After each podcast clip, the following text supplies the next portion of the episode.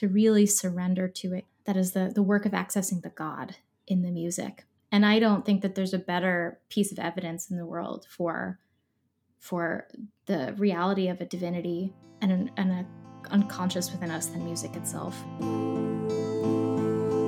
Welcome to Soror Mystica, a podcast exploring life's mysteries and magic through its symbols. I'm Mariana Louis, an archetypal tarotist. And I'm astrologer Cristina Farella.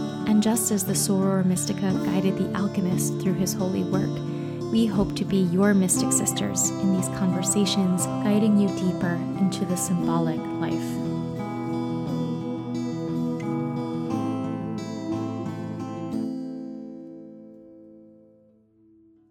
Hello, everyone, and welcome to episode 12 of Soror Mystica.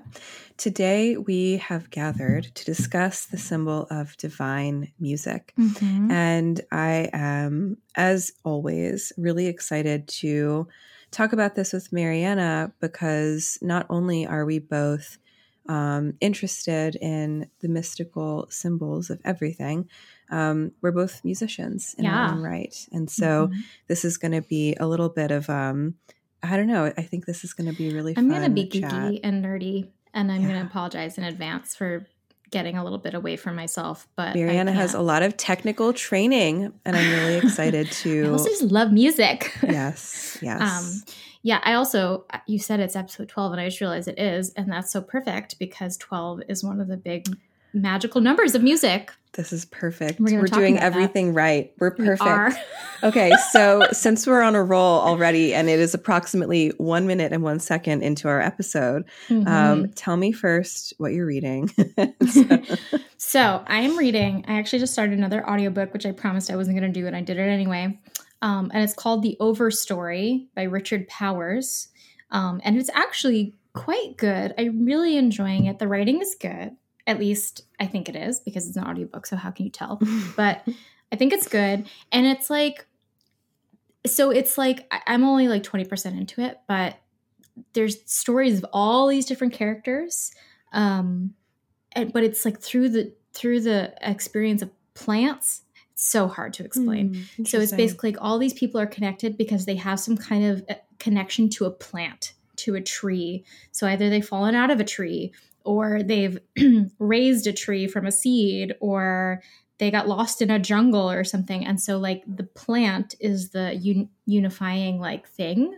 It's not like the same plant every time, but just like the fact that they have a story surrounding a plant. Mm. And like some of these stories are like six generations long and some of them are just like a short time span. And it's just a very, very creative piece of literature.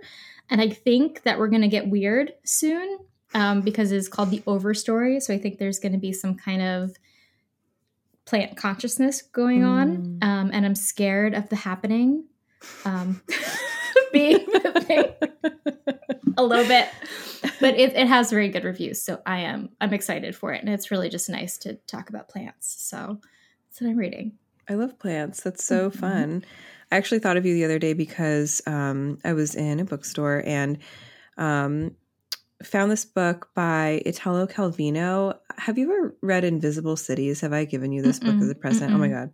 It's wonderful. It's just tiny vignettes. It's basically told from the perspective of Marco Polo. He's reporting oh. back to Kubla Khan, at, like in his journeys around the world, and he's visiting all of these cities that Kublai Khan needs to know about in his empire. Um, but there are these very small, like one to two page vignettes, and the cities are not real places. It's like the city of Chloe is made out of um, like like clouds, or there's a city that's made out of secrets, or there's a city that's suspended in the air. Just like really, really Oh, that's so beautiful. weird and cool. I'm gonna I'm just gonna send you a copy of it. But um, I found this other book by Calvino um, which is the like little vignettes told through the tarot and i didn't know that he even cared about the tarot and he's an italian writer so it like makes sense that he would know mm-hmm. about tarot because it's yeah, culturally yeah. relevant but yeah. it's just these little stories of like people who have gathered in some vast hall and are talking to each other and they're getting their cards read and there are illustrations of the cards in the margins and it's the marseille deck. Um, anyway, I should have just this. This could have been a text. This this conversation could have been a, a voice note to you. yeah, like an eight minute voice note. anyway, it's um it's something that uh, I wanted to just like put on your radar because it seems interesting and the little vignette, whatever nature of your book. That sounds amazing. That. One day I want to write a really really boring piece um like a short story about reading for someone at like a, a party um, and hating it and not knowing how to tell them they're about to get divorced and you know yes. like this is i feel like these things happen. very good you know american this is what america needs is these like boring short stories that are weirdly deep and anyway. I see it for you. I see my, it. my new desire. I think um, that's amazing. Yes. that's great. Okay. Well that's excellent. Yeah. Um and all right, so before we start talking about music, I want to ask you our focus is divine music. What music do you love that you find to be divine?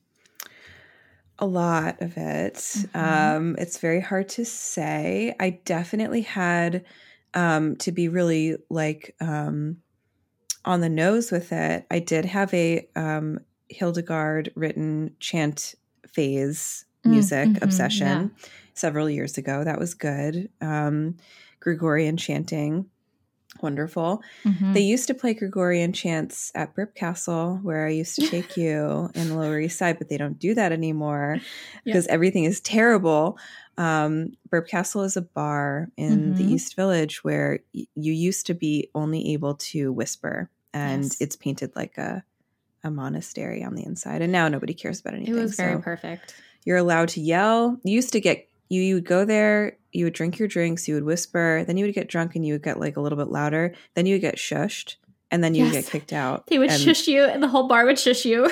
And it, it was just awkward. really good. And I would love to shush people, but then you would get kind of carried away with the shushing. So then you would get shushed. One, one myself would get shushed, and then you would have to leave and be like, "This is the worst." And then you go get French fries next door, and it would be okay. Anyway, but like my go-to for music that is um, like the macrocosm of everything is always Björk. And Björk. I just can't not be obsessed with everything that happens that she envisions. But that's because she's a triple Scorpio and she knows the secrets mm. of everything. She does know some secrets. she's almost too much Scorpio for me. Like I, I get a little overwhelmed. I feel she's like overwhelming. yeah, she's totally overwhelming. But I'm just like so, uh, so enchanted by it because like in any of her first of all she says herself that her album cover art all of them are different archetypes like tarot cards. Like she envisions oh, really? them all as different characters like tarot tarot figures like the major arcana of her deck. And then um what excites me about her is not this really important blending of like primal and intellectual. And she has this like scream that she does, or this kind of like really growly, guttural, but also fairy like way of singing um, that she combines with lyrics that are really, really human and really, really um, just like almost as essential as like Sappho. You know, they're mm. so, they cut to the core. Her most divine album is Vespertine, which is the word for morning prayers, evening prayers, evening, evening prayers. prayers. Yeah and um, that is an album that she wrote on her computer but she did this thing where she created a whole library of sounds just like teeny tiny sounds so like ice falling into a glass or a door closing or wind or um, putting on like a glove or something like that and she built a whole sort of like instrument with those sounds that then mm. were mm-hmm. digitally programmed into her vocals which she performed with this like traditional choir from Greenland. And eh, it's just like all very, it's amazing. amazing. It's amazing. So to me, she gets to soar into these heavenly realms, but also is very much in the body at the same time. So mm-hmm. um, I'm obsessed. Um, well, your Bjork is my Paul Simon. Um, so my, for me, I think that the most divine music I've heard is by Paul Simon, which is not, you know, what normal 30 somethings generally say since I love Paul Simon so much. Though. I'm so yeah. I've been to five Paul Simon concerts in my lifetime. Um and I'm very, very obsessed with his music. And I think that Paul Simon is um, actually a, a, quite extraordinary poet um, and just, you know, tried very hard to figure out what to do with his poetry and just made it into music. Mm-hmm. Um, so he, um, one of my favorite lines of his, the song itself is not that good. It's Cool, Cool River. I mean, it's good, but it's not his best. But the last line of that song is um, sometimes even music cannot substitute for tears. Hmm. And I think that's actually a really good kind of way of thinking about music's power, um, which we'll get into very shortly. I also am a huge Hildegard person, extremely obsessed. Um, that honestly, if I could shift careers, there's only one career to, I would shift to, which is to um, do strictly Hildegard, um, mm. which it sounds crazy, but like that's kind of what I was on. To be like a do. scholar, a scholar. No, no, or? as a singer of, of her music, oh, like oh strictly oh like um, you know, uh, very early medieval chant, mm-hmm. um, because that's what I focused on in my um, in my undergrad degree. Um, I did mostly oratorio music, and so then I was in the Oratorio Society of New York for a while, and so very good at singing stuff like that. So mm, yeah. that's the only thing that'll take me away from the tarot is if someone comes and says, Hey, do you want to sing Hildegard for the rest of your life? And then I'll say, I think so. Mm. I'll do it. Um, and then I also am very obsessed with Sleeping at Last, um, mm-hmm. who is a, it's just a one man band, but most people know him from like, he did a song for like Twilight a thousand years ago. And so he got like very famous from that. But he actually has um, an album called Atlas. Um, and uh, it's a song for every planet, um, a song for all the oceans, a song for every um, major um, experience, like emotional experience, a song for every Enneagram type. So, like, he is trying to create this like cosmology of music um, which I find to be very divine. So, mm-hmm. highly recommend checking out Sleeping at Last if you're into mm-hmm. weaving things in together. But I'm glad that we started talking about our love of music because I think it's really important.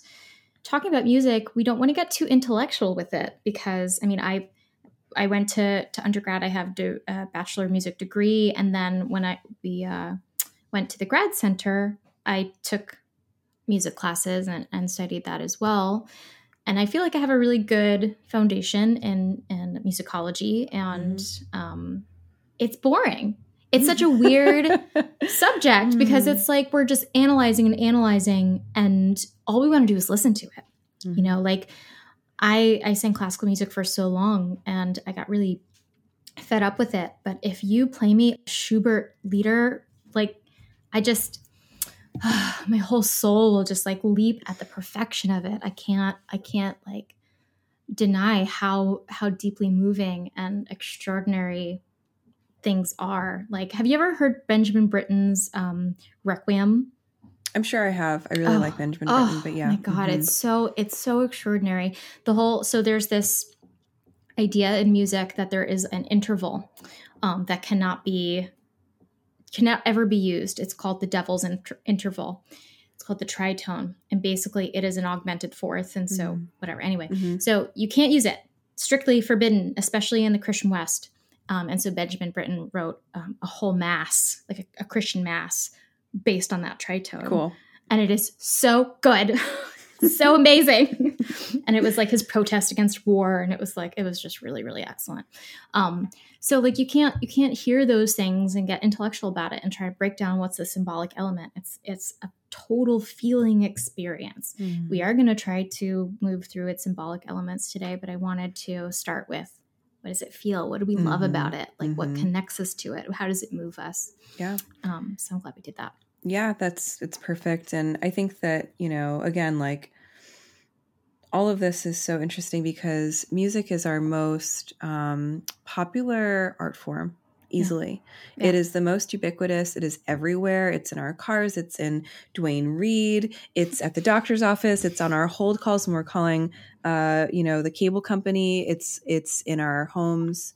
Um, and for those of us who are lucky enough to receive educations around it. You know, we play it for ourselves, for the people. And it is so beloved no matter who you are. Like there is a genre for everybody, there is a favorite yeah. artist for everybody. And it's not the same for painting and poetry and uh, visual arts and um, sculpture, right? Or um, yeah. whatever, any other kind of art form, film.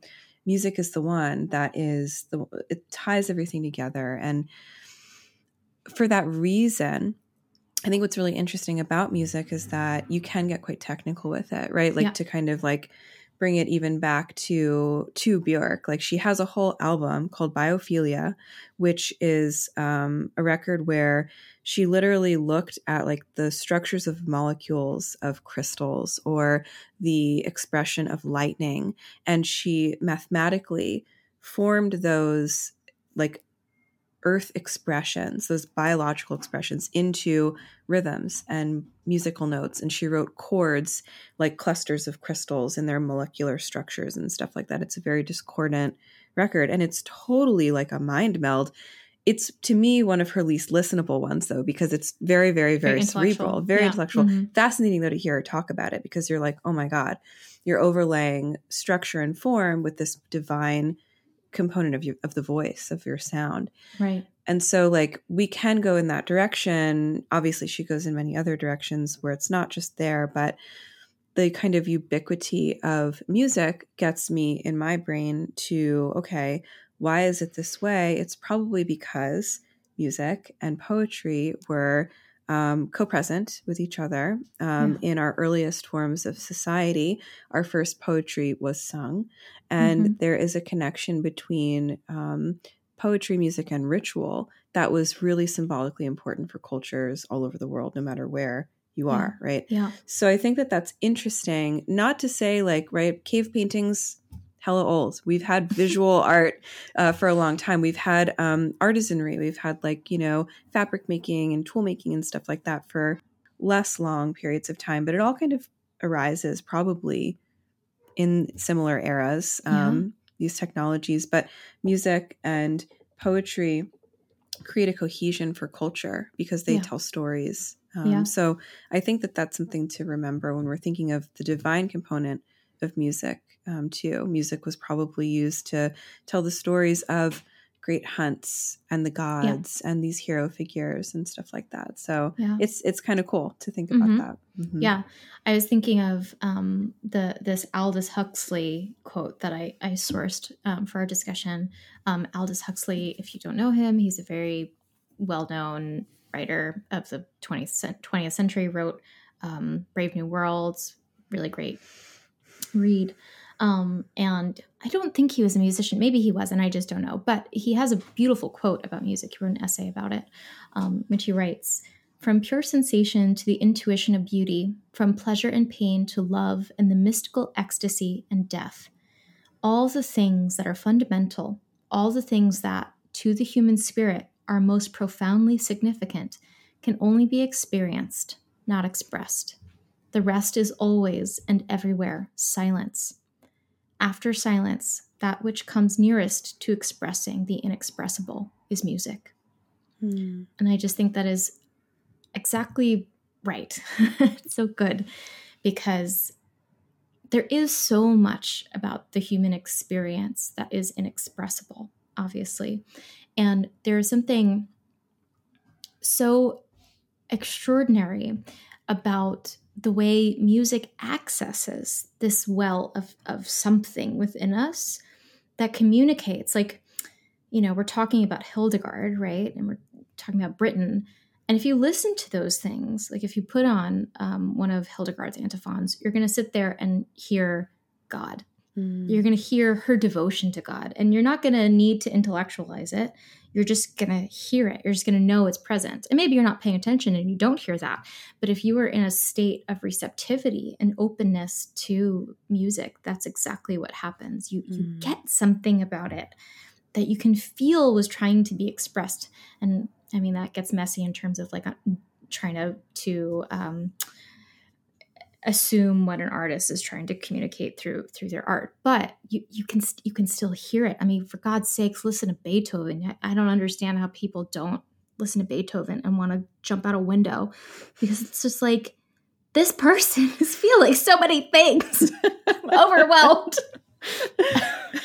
it's I I encourage people to like actually listen to Beethoven, not just the ninth. Like go listen to something and yeah, and, for sure. Do you see. know what we're gonna have to do? Is we're actually going to be making a Soror Mystica playlist. We're gonna have to make a playlist. Um, actually, in this article, um, from I, this is sourced from the Marginalian, which is a, a newsletter, which is so good. It just like you know talks about people people's thoughts through history and, and stuff. It's it's really quite excellent. Um, they put in a piece of music to listen to, which is um, uh, Beethoven's Missa Solemnis, mm. Opus 123, Mass in D major. And I was listening to that before we jumped on, and I was like weeping. So mm. I highly recommend it. But um, th- there is something about music that is incommunicable. It is. It is just. It is. Um, and there feels like feels like there's a divine essence in that thing. There is something that connects immediately into the collective unconscious mm-hmm. of experience. Mm-hmm. It is not just like, oh, this is a sad song. I have been sad in my life. There is something, I think this is one of the reasons why we connect so deeply with the artists we love, is because we say, they are speaking about something that it seems like only I have ever known. How mm. can that be mm. possible?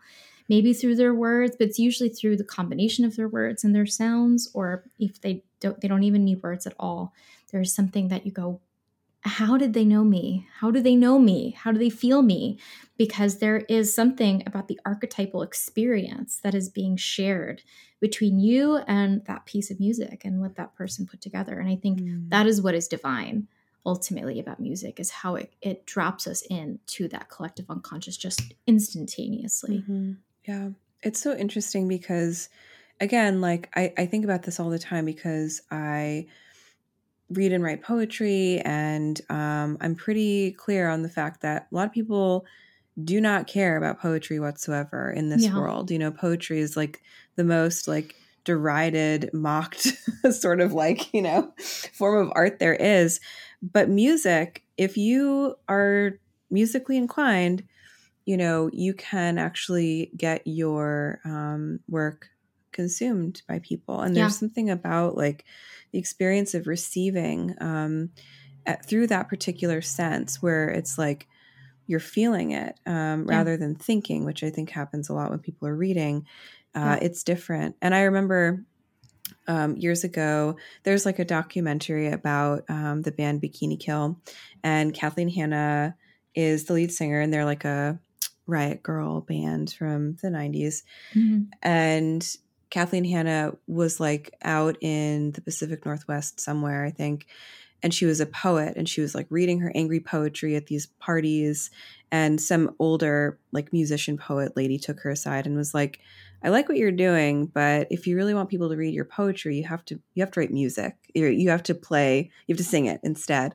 And that always and that was like what sparked her to start performing. And she formed a band, and then she became like super super well known. It's because mm-hmm. she was very singular. Another Scorpio woman performer. Mm-hmm. mm-hmm. Um, but anyway, you know there is that kind of strange, important kind of quality that music kind of delivers poetry to us. And again, yeah. it is this like, wow, I'm being placed in this environment where this person is speaking directly to me and saying what I'm thinking. You know, it's yeah. this very profound experience. Yeah. yeah. There's something about it too that is like it's it's like a, a, fully embodied or somatic experience sometimes mm-hmm. when we listen to it, which is is really interesting, which is one of the things that differentiates it from poetry because it's unfortunately true that for a lot of poetry, at least, you need a certain level of intellectual concentration, at mm-hmm. least, Interest, to be able. Yeah. yeah. I mean, it's not that you have to be smart; you just have to be willing to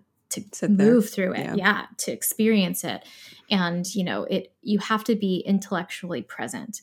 And music, you can just be caught off guard and and not not be you know aware of anything that you're doing and just walking through. I mean, my husband, for God's sakes, he will all of a sudden start singing. The last like four days, he's been singing um, Cats.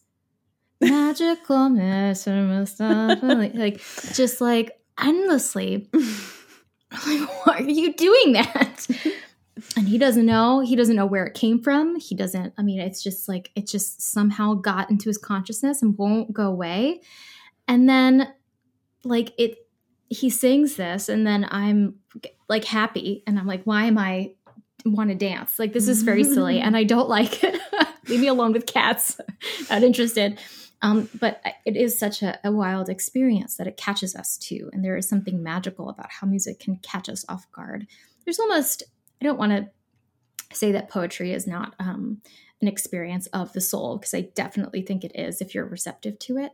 But it feels like more of a spiritual enterprise sometimes, mm-hmm. in that there has to be a little bit of that intellectual engagement in order to drop into the soul. Whereas music kind of takes us the other way, where it contacts the soul immediately, and then we have to bring it into the spirit, into the intellect. I think that you're totally right. And music creates an environment. I think that yeah. that's the other important thing is like with your if you're sitting alone reading poetry to yourself, yeah, maybe you are in the zone, but with music, music fills a room. Music yeah. changes the tone of conversation. If you're having a party and you're playing really discordant music, people might feel grumpy. If you start playing really yeah. beautiful music that people all like, the vibe shifts. Like that's why we need good curated playlists for having um, get-togethers. It is important, people. It changes, yeah, the mm-hmm. atmosphere. And so I feel like the idea of like divine music, like descending from above, you know, is yeah. very much like music comes to us from from God. Yeah. And it, it makes me think about gods of music in yeah. myth. And so Apollo is credited as being the god of music, which is interesting to me because he's like a sun god. He's a hyper rational god, but he's mm-hmm. also associated with divination and prophecy. And yeah. so they're in that same way, maybe that music itself is a blend of math and emotion or math and intuition. There is that sort of like Apollonian kind of style of um, writing music that's very um, structured, right? It's about yeah. time. Yeah. And then the sort of overlay of the divine that kind of comes in that feels more like Apollo, the split of Apollo and Dionysus as well. Right. Um, and then the intermediary actually between Apollo and Dionysus would be Orpheus, the poet Orpheus, who is thought of in our like kind of archetypal s- schema um, as being that sort of place where Apollo meets Dionysus. And right. um, we have the emergence of a poet who was gifted, you know, the lyre from Apollo, but had the ability to enchant and transform and hypnotize people, which is a Dionysian quality, right? Mm-hmm. Um, so I think that that's something to anchor uh, you know, yeah. again, like where does this divine quality of music come from? Um, yeah. Mm-hmm. Well, something that you said that I think is really, you know, important is that that mathematical quality of music. Music composition, especially when you're composing something that's not just like, you know, whatever you're kind of making it up. If you're trying to follow some rules, or you're trying to create something in smart, clever, interesting. There's there's a lot that you have to know about music generally it has this kind of solar element, this intellectual element of saying, well, what what makes this good and what makes this you know wrong and and there's these questions that we have to to mm-hmm. wrestle with um and so i think that this is a good point to bring in the the music of the spheres mm-hmm. which is um the way that we can connect this to our, our kind of magical orientation and so the music of the spheres if you haven't heard of this before it comes from Pythagoras, and it's basically, I'm not going to get into it, but it's basically like a perfection of of space between notes and and intervals and things that creates like this like mimics the perfected order of the universe um, and so music is is this kind of exact mirror of the ordered universe um, and so there are 12 um, there are 12 notes basically that are in our Western scale of music, mm-hmm. at least. It's different. It's mm-hmm. not the same for everywhere in the world. Um, and so there's 12 notes um, or, or chromatic notes. And then there's seven kind of whole notes. And those create the seven scales, the seven modes. And that mirrors the astrological, the cosmology of the actual world in, in terms of the, the um, 12 signs and 12 houses and the seven um, planets original Mhm. planets. Mhm. So there is this this mirroring and this communication that the ancient mind was certainly trying to figure out um, how music was a representative of the cosmos. And so this idea was Pythagoras' idea, and we still pretty much use it in music today. It's like a Mm. really foundational idea. Um, but then a lot of years later, um, we had uh, Kepler, um, who was an astronomer and and took this idea and started actually broadening it out. So where Pythagoras thought, you know, this is the the there's some kind of harmony between music, musical notes, and music and the, and the planets.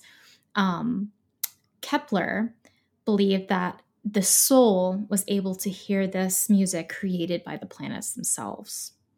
Um, and so this was something that was really interesting to the Renaissance mind. Um, and so it, it's in this time period that scholars, magical scholars, occult scholars, were very interested in how music actually is a magical art form. Um, and how we already know that poetry is a magical art form because we use poetry to invoke the gods, we Mhm. use it to create spells. But music as well at this time period was um, this music of the spheres idea was actually they used it in a kind of literal way. Like if you wanted to, if you were very melancholic um, and you wanted to kind of bring in some brightness, you'd play some music in the Dorian mode because the Dorian mode was associated with the sun. Um, and you would kind of use magic almost like uh, music, almost like a spell in a magical way to kind of shift the the inner harmonies because the idea was that the planets are making this music all the time, but our ears can't hear them. It's the soul or the spirit that can hear it, um, which I just think is such a gorgeous idea. Um, and so I don't want to geek out too much more about it, but I love it.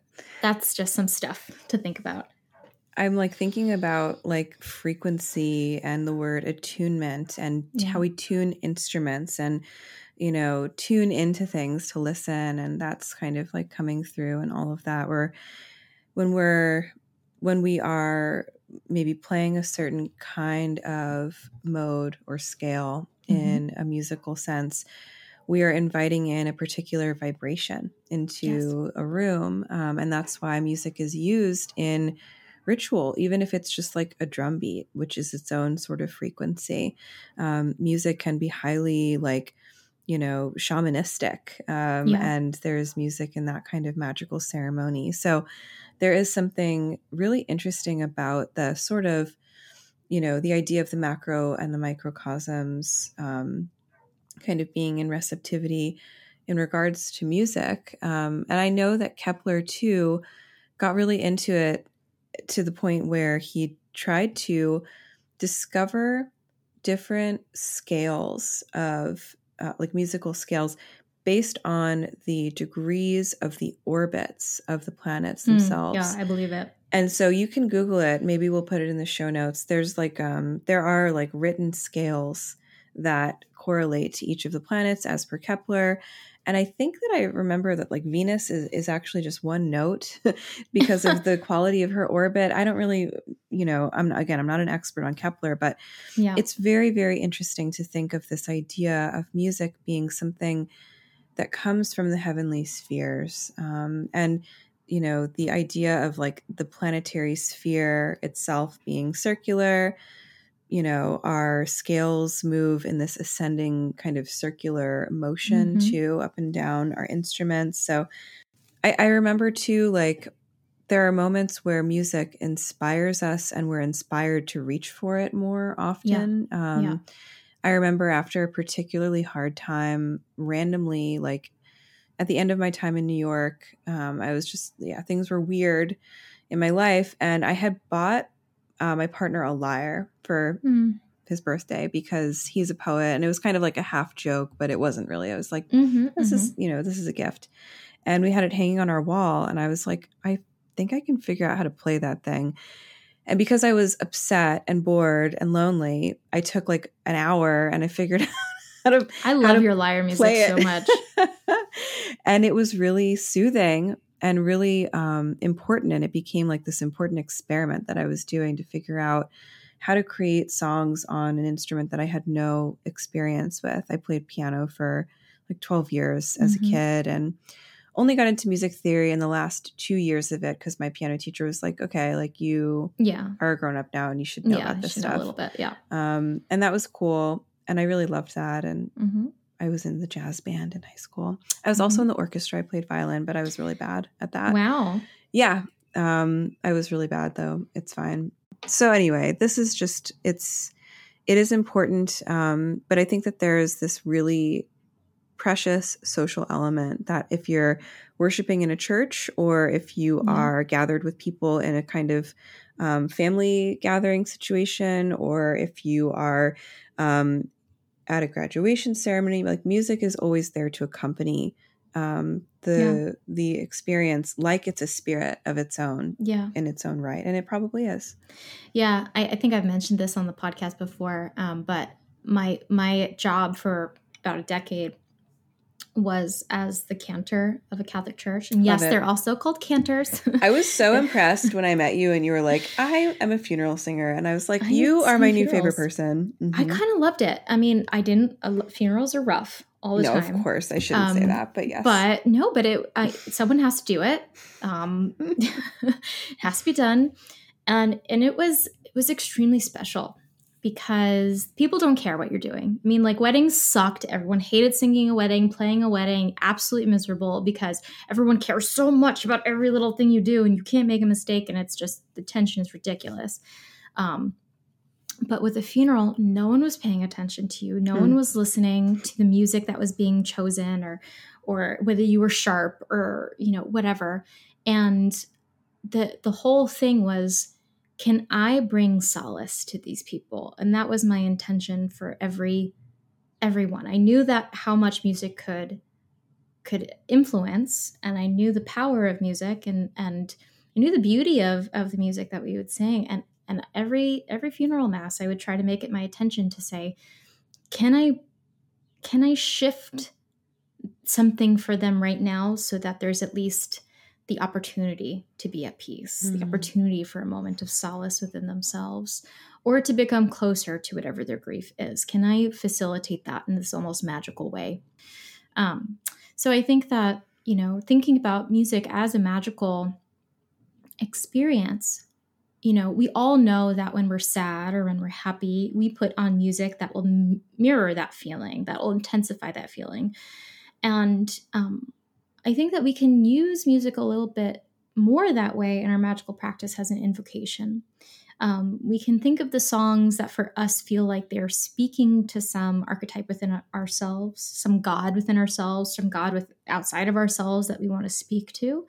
Um, and maybe when we're doing our magical work, bringing in that musical element can be very powerful. Or if we just know I am stuck somewhere and I want to shift something, just bringing putting on a song that you know that that song will, will tap you into some archetype mm-hmm. within yourself immediately that can actually be very good i mean you know after my mom passed away it was very hard for me to to cry and to grieve because there's just a lot going on and it you know it can be very overwhelming and so I was like, I'm going to go into my room. I'm going to put on Paul Simon. I'm going to put on, you know, Bridge Over Troubled Water. I was going to say. Bridge Over Troubled Water would do the trick every time. Yeah. Yeah. And and it's going to um, it's going to come. And I know it's going to come like immediately. And I'm not going to have to do anything. And mm. it's almost like a tool mm-hmm. I can mm-hmm. use to access the the stuff in me that my conscious mind um, you know, maybe doesn't know how to get to. Mm-hmm. Um, yeah. And I think that that's one of the ways that we can actually use it. Mm-hmm.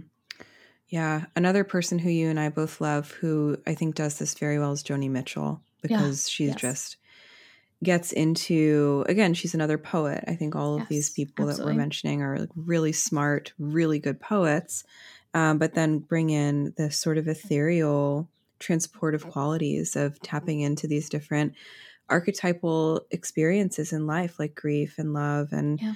exultation and cr- being crushed in heartbreak and all of that stuff and so yeah it's this really it's a it's a beautiful it's a beautiful analog, I think, for human experience.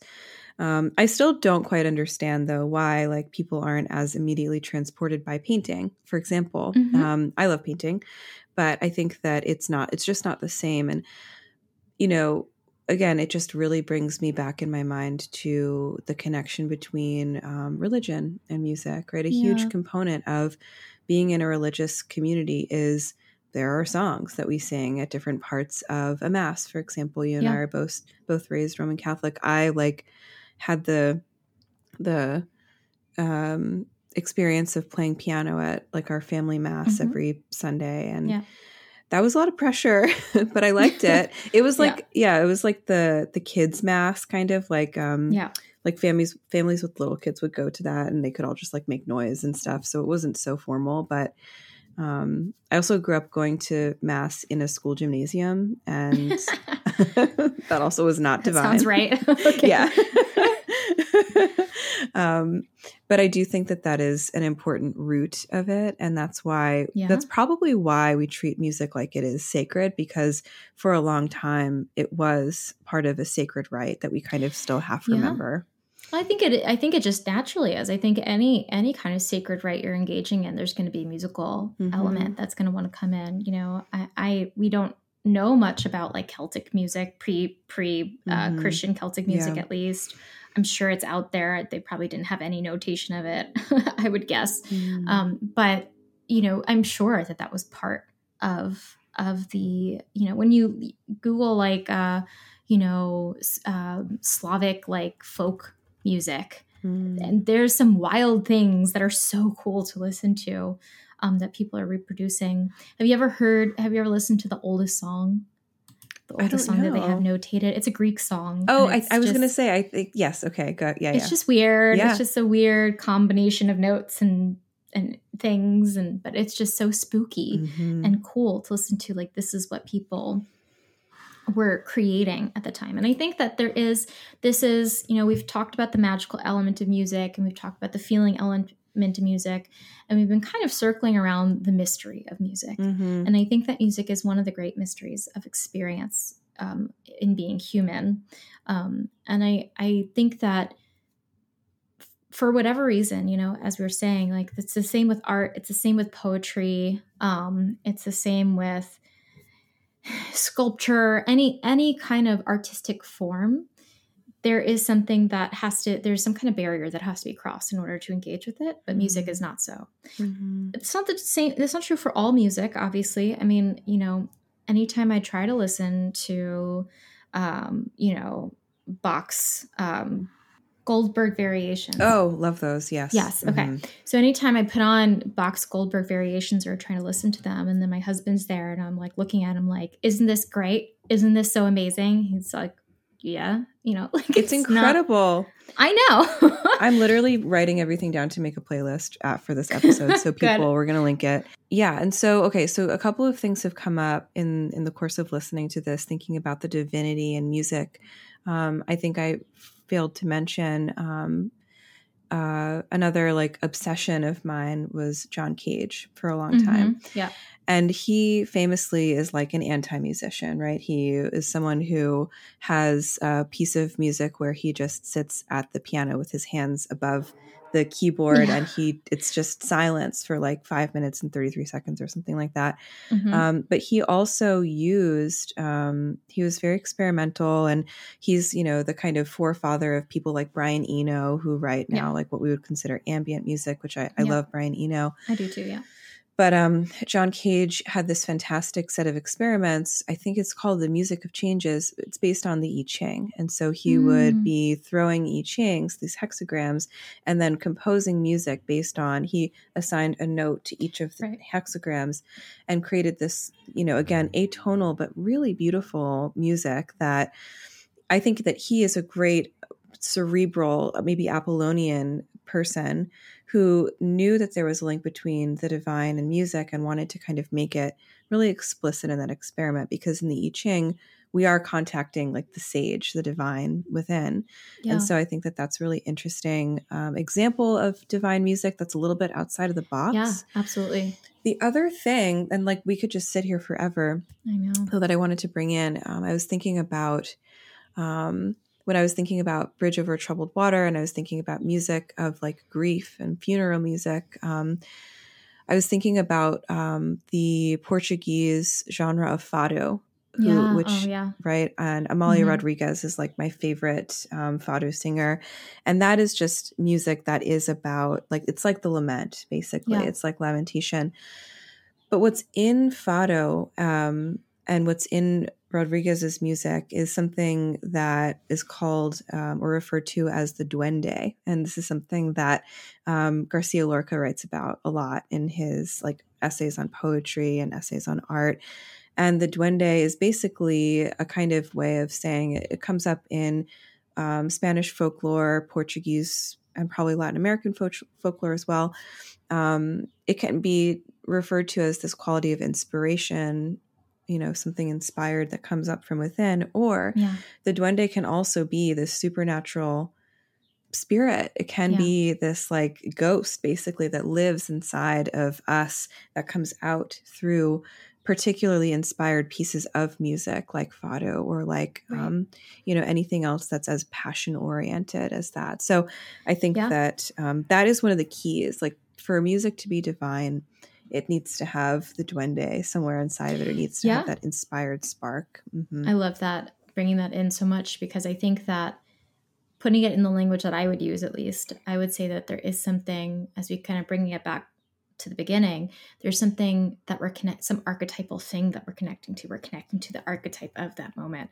Like, you know, I watching a, a pianist or a violinist or a cellist or anything play, and then the moment they release, Mm. they release the control of the craft and surrender to the the the spirit to that archetype of of whatever the music is communicating love fear passion whatever it might be then it transforms into something extraordinary Mhm. um, that only happened to me a few moments in my life. I actually one time um, when I was I was doing Fiddler on the Roof when I was a performer, a, a musical theater performer um, in Indiana, to a very right Christian world of people crazy um, who wanted to watch Fiddler on the Roof. Um, so I was I was Hodel, and there's this song um, in there um, about leaving. About she decides to leave her family and go off with the man she loves, and um, and it's a gorgeous song. And I sang it a hundred times, you know, throughout the the length of the thing. And that was like I was doing some like big stuff in my analysis at the time and that archetype of like the grief of leaving people who loved me and and creating a boundary that's kind of how i was reflecting on it i, I started singing that song and I, I lost it i lost Mm. myself to it and i just i could i i don't even remember it very well but i remember the feeling of the the total grief of begging this person who's my father or singing to my father to understand to Mm. understand why i had to leave why i had to do this and the actor who was playing my father um, started crying and I, and I was like and that's when i snapped out of it because i was like why is he crying? He doesn't cry in the scene. What's going on? And then i realized that i had i had lost myself to Mm. so the actual experience of the music yeah and the archetype that it was connecting to and to really surrender to it. That is the access that is the the work of accessing the god in the music. And i Mm. don't think that there's a better piece of evidence in the world for for the reality of a divinity and an, and a unconscious within us than music itself because Mm. somehow we all can like oh my god put me in a room with people and they're playing the soundtrack to Lord of the Rings. And I'm like, everyone knows what it's about now, right? You all get it. you watch the movie, you don't get it, but you're listening to the soundtrack and I know you get it. I know you understand. It's about it's about friendship and perseverance and all the things and it just communicates it so extraordinarily. Um, and I listen to that a lot, obviously. Um, and anyway, that's I, I feel very passionate about the fact that you know we we listen to music casually, but we can bring it in in a really important way into our craft and into mm. um, our inner work and to be thoughtful about what is the music speaking to within us mm-hmm. that it's it's allowing us to access that our conscious brains are not allowing us to access and what is that thing and and how do we hold it mm-hmm. um, and that's that's what i encourage for people and hope for people I think that that is beautiful and probably a perfect place to segue into the consideration of a symbol. Beautiful. If you're enjoying this podcast, we encourage you to learn more about how you can support us on Patreon. There's many benefits available, including extended episodes, guided tarot meditations, and astrology transit journals. But all listeners are welcome to share a symbolic experience for us to explore on the show.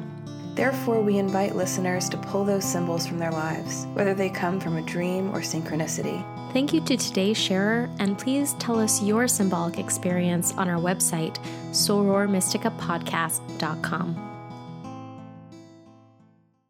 Are you a small business looking to reach a targeted audience of people who are interested in things like spirituality, esoterica, obscure academia, holistic living, magic, the occult, or other related topics? If this sounds like you, Soror Mystica would love to invite you to become an advertiser on our show.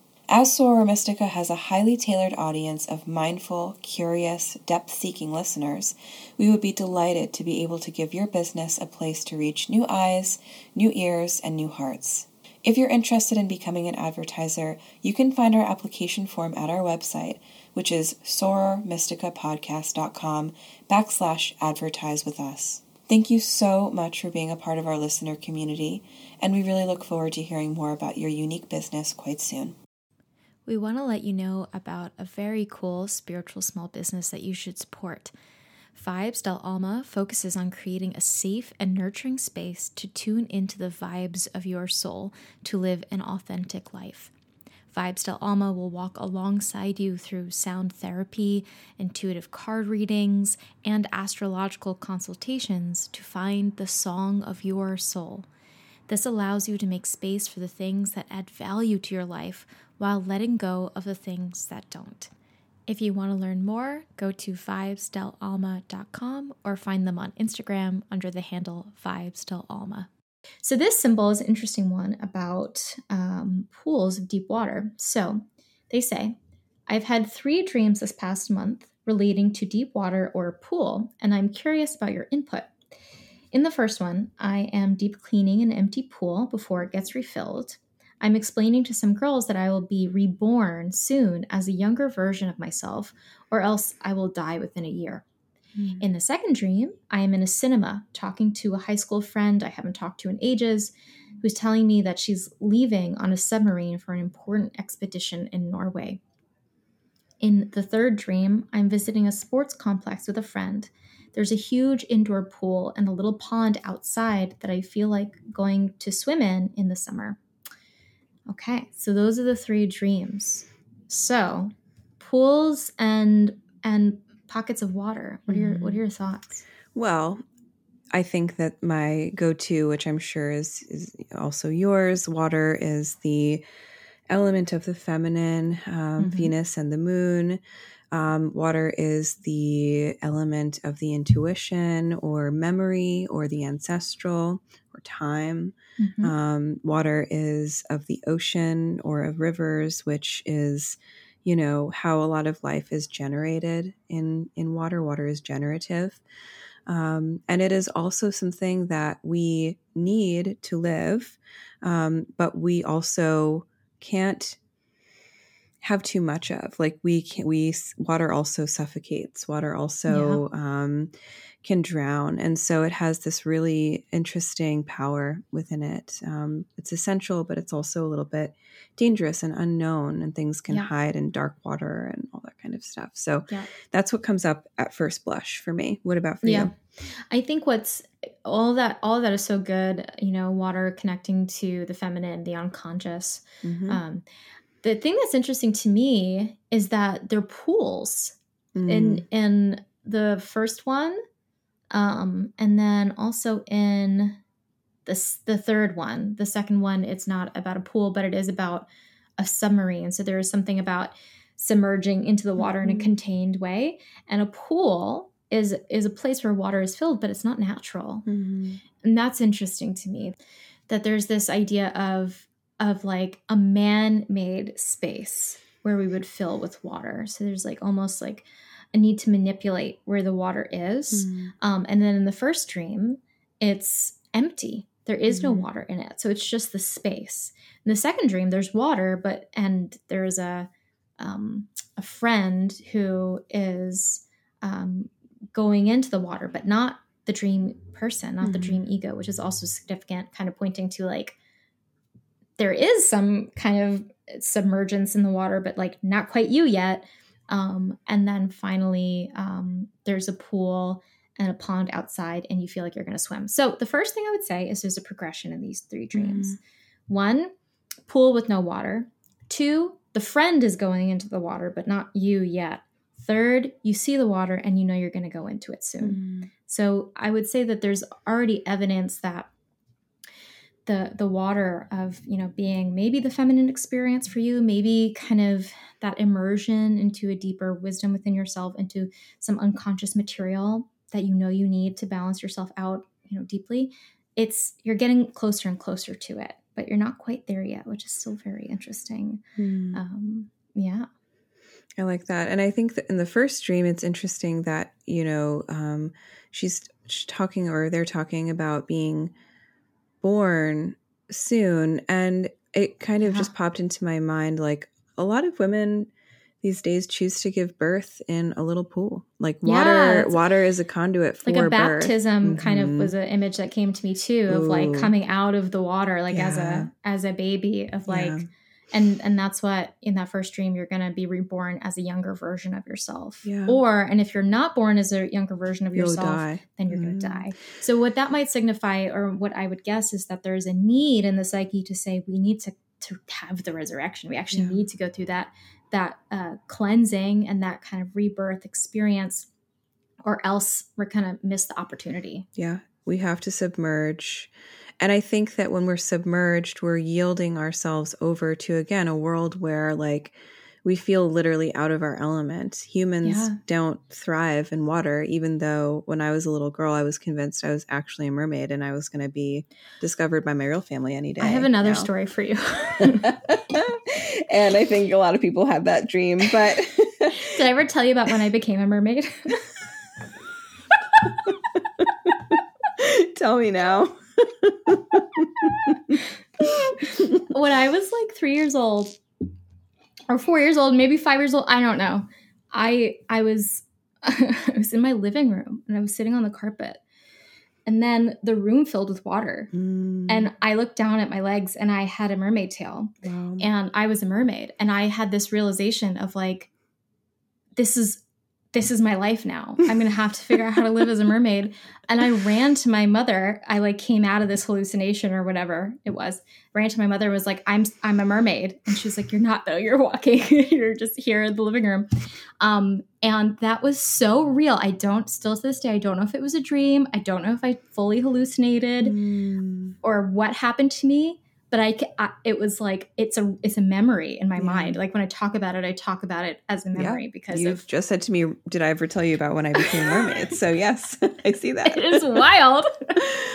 wow. But anyway, it is. It's it's like you have to transform in order to be in the water. You can't be fully human. So that's mm-hmm. kind of mm-hmm. the point, right? Like the mermaid is the symbol of like you're you're both human and you're part of the water, and yeah. and that's not fully human then. So yeah, that's that's that's interesting that there's like this this submergent submersion in the water um, that's not quite happening. And then the submarine also is that image of like protection yeah it's, te- it's technological. And so it's yeah. different than being actually yielding over to it. And you know the mermaid thing is interesting because um, or any kind of like human animal hybrid is always going to be cueing us into the split between our animal nature and our human nature, which is inherent and often forgotten, I think. Yeah. And so, in order to find those deep moments of transformation, we need to kind of yield over to that more primal interior part of our psyche that is kind of um,